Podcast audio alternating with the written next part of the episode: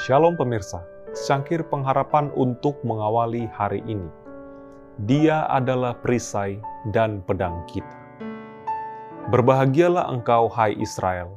Siapakah yang sama dengan engkau? Suatu bangsa yang diselamatkan oleh Tuhan, perisai pertolongan dan pedang kejayaanmu.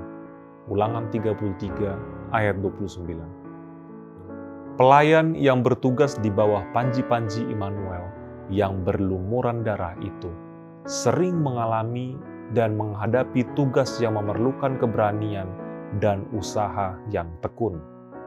Prajurit salib itu akan berdiri teguh tak tergoyahkan di medan laga. Kalau musuh menekan dan mendesaknya, ia akan berpaling ke benteng yang kokoh itu dan seraya membawa janji-janji Allah yang terdapat dalam sabdanya, ia dikuatkan untuk melakukan tugas yang ditanggungnya itu. Ia menyadari perlunya pertolongan di atas. Dengan bergantung kepada kuasa itu, ia dapat menyampaikan pekabaran keselamatan itu dengan lebih berkuasa dan menimbulkan sambutan dalam hati orang lain.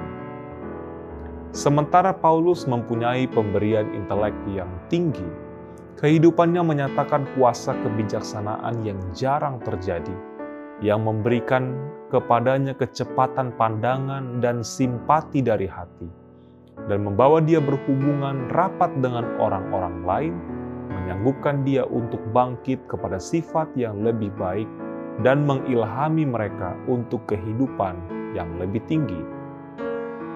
Hatinya dipenuhi dengan kasih yang sungguh-sungguh untuk orang-orang percaya di Korintus.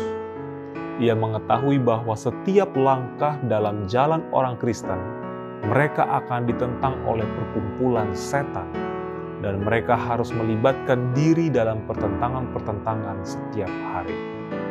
Tetapi ia mengetahui juga bahwa dalam Kristus yang disalibkan, mereka diberikan cukup kuasa untuk mempertobatkan jiwa dan disesuaikan dengan kuasa ilahi untuk menyanggupkan mereka melawan segala pencobaan kepada kejahatan.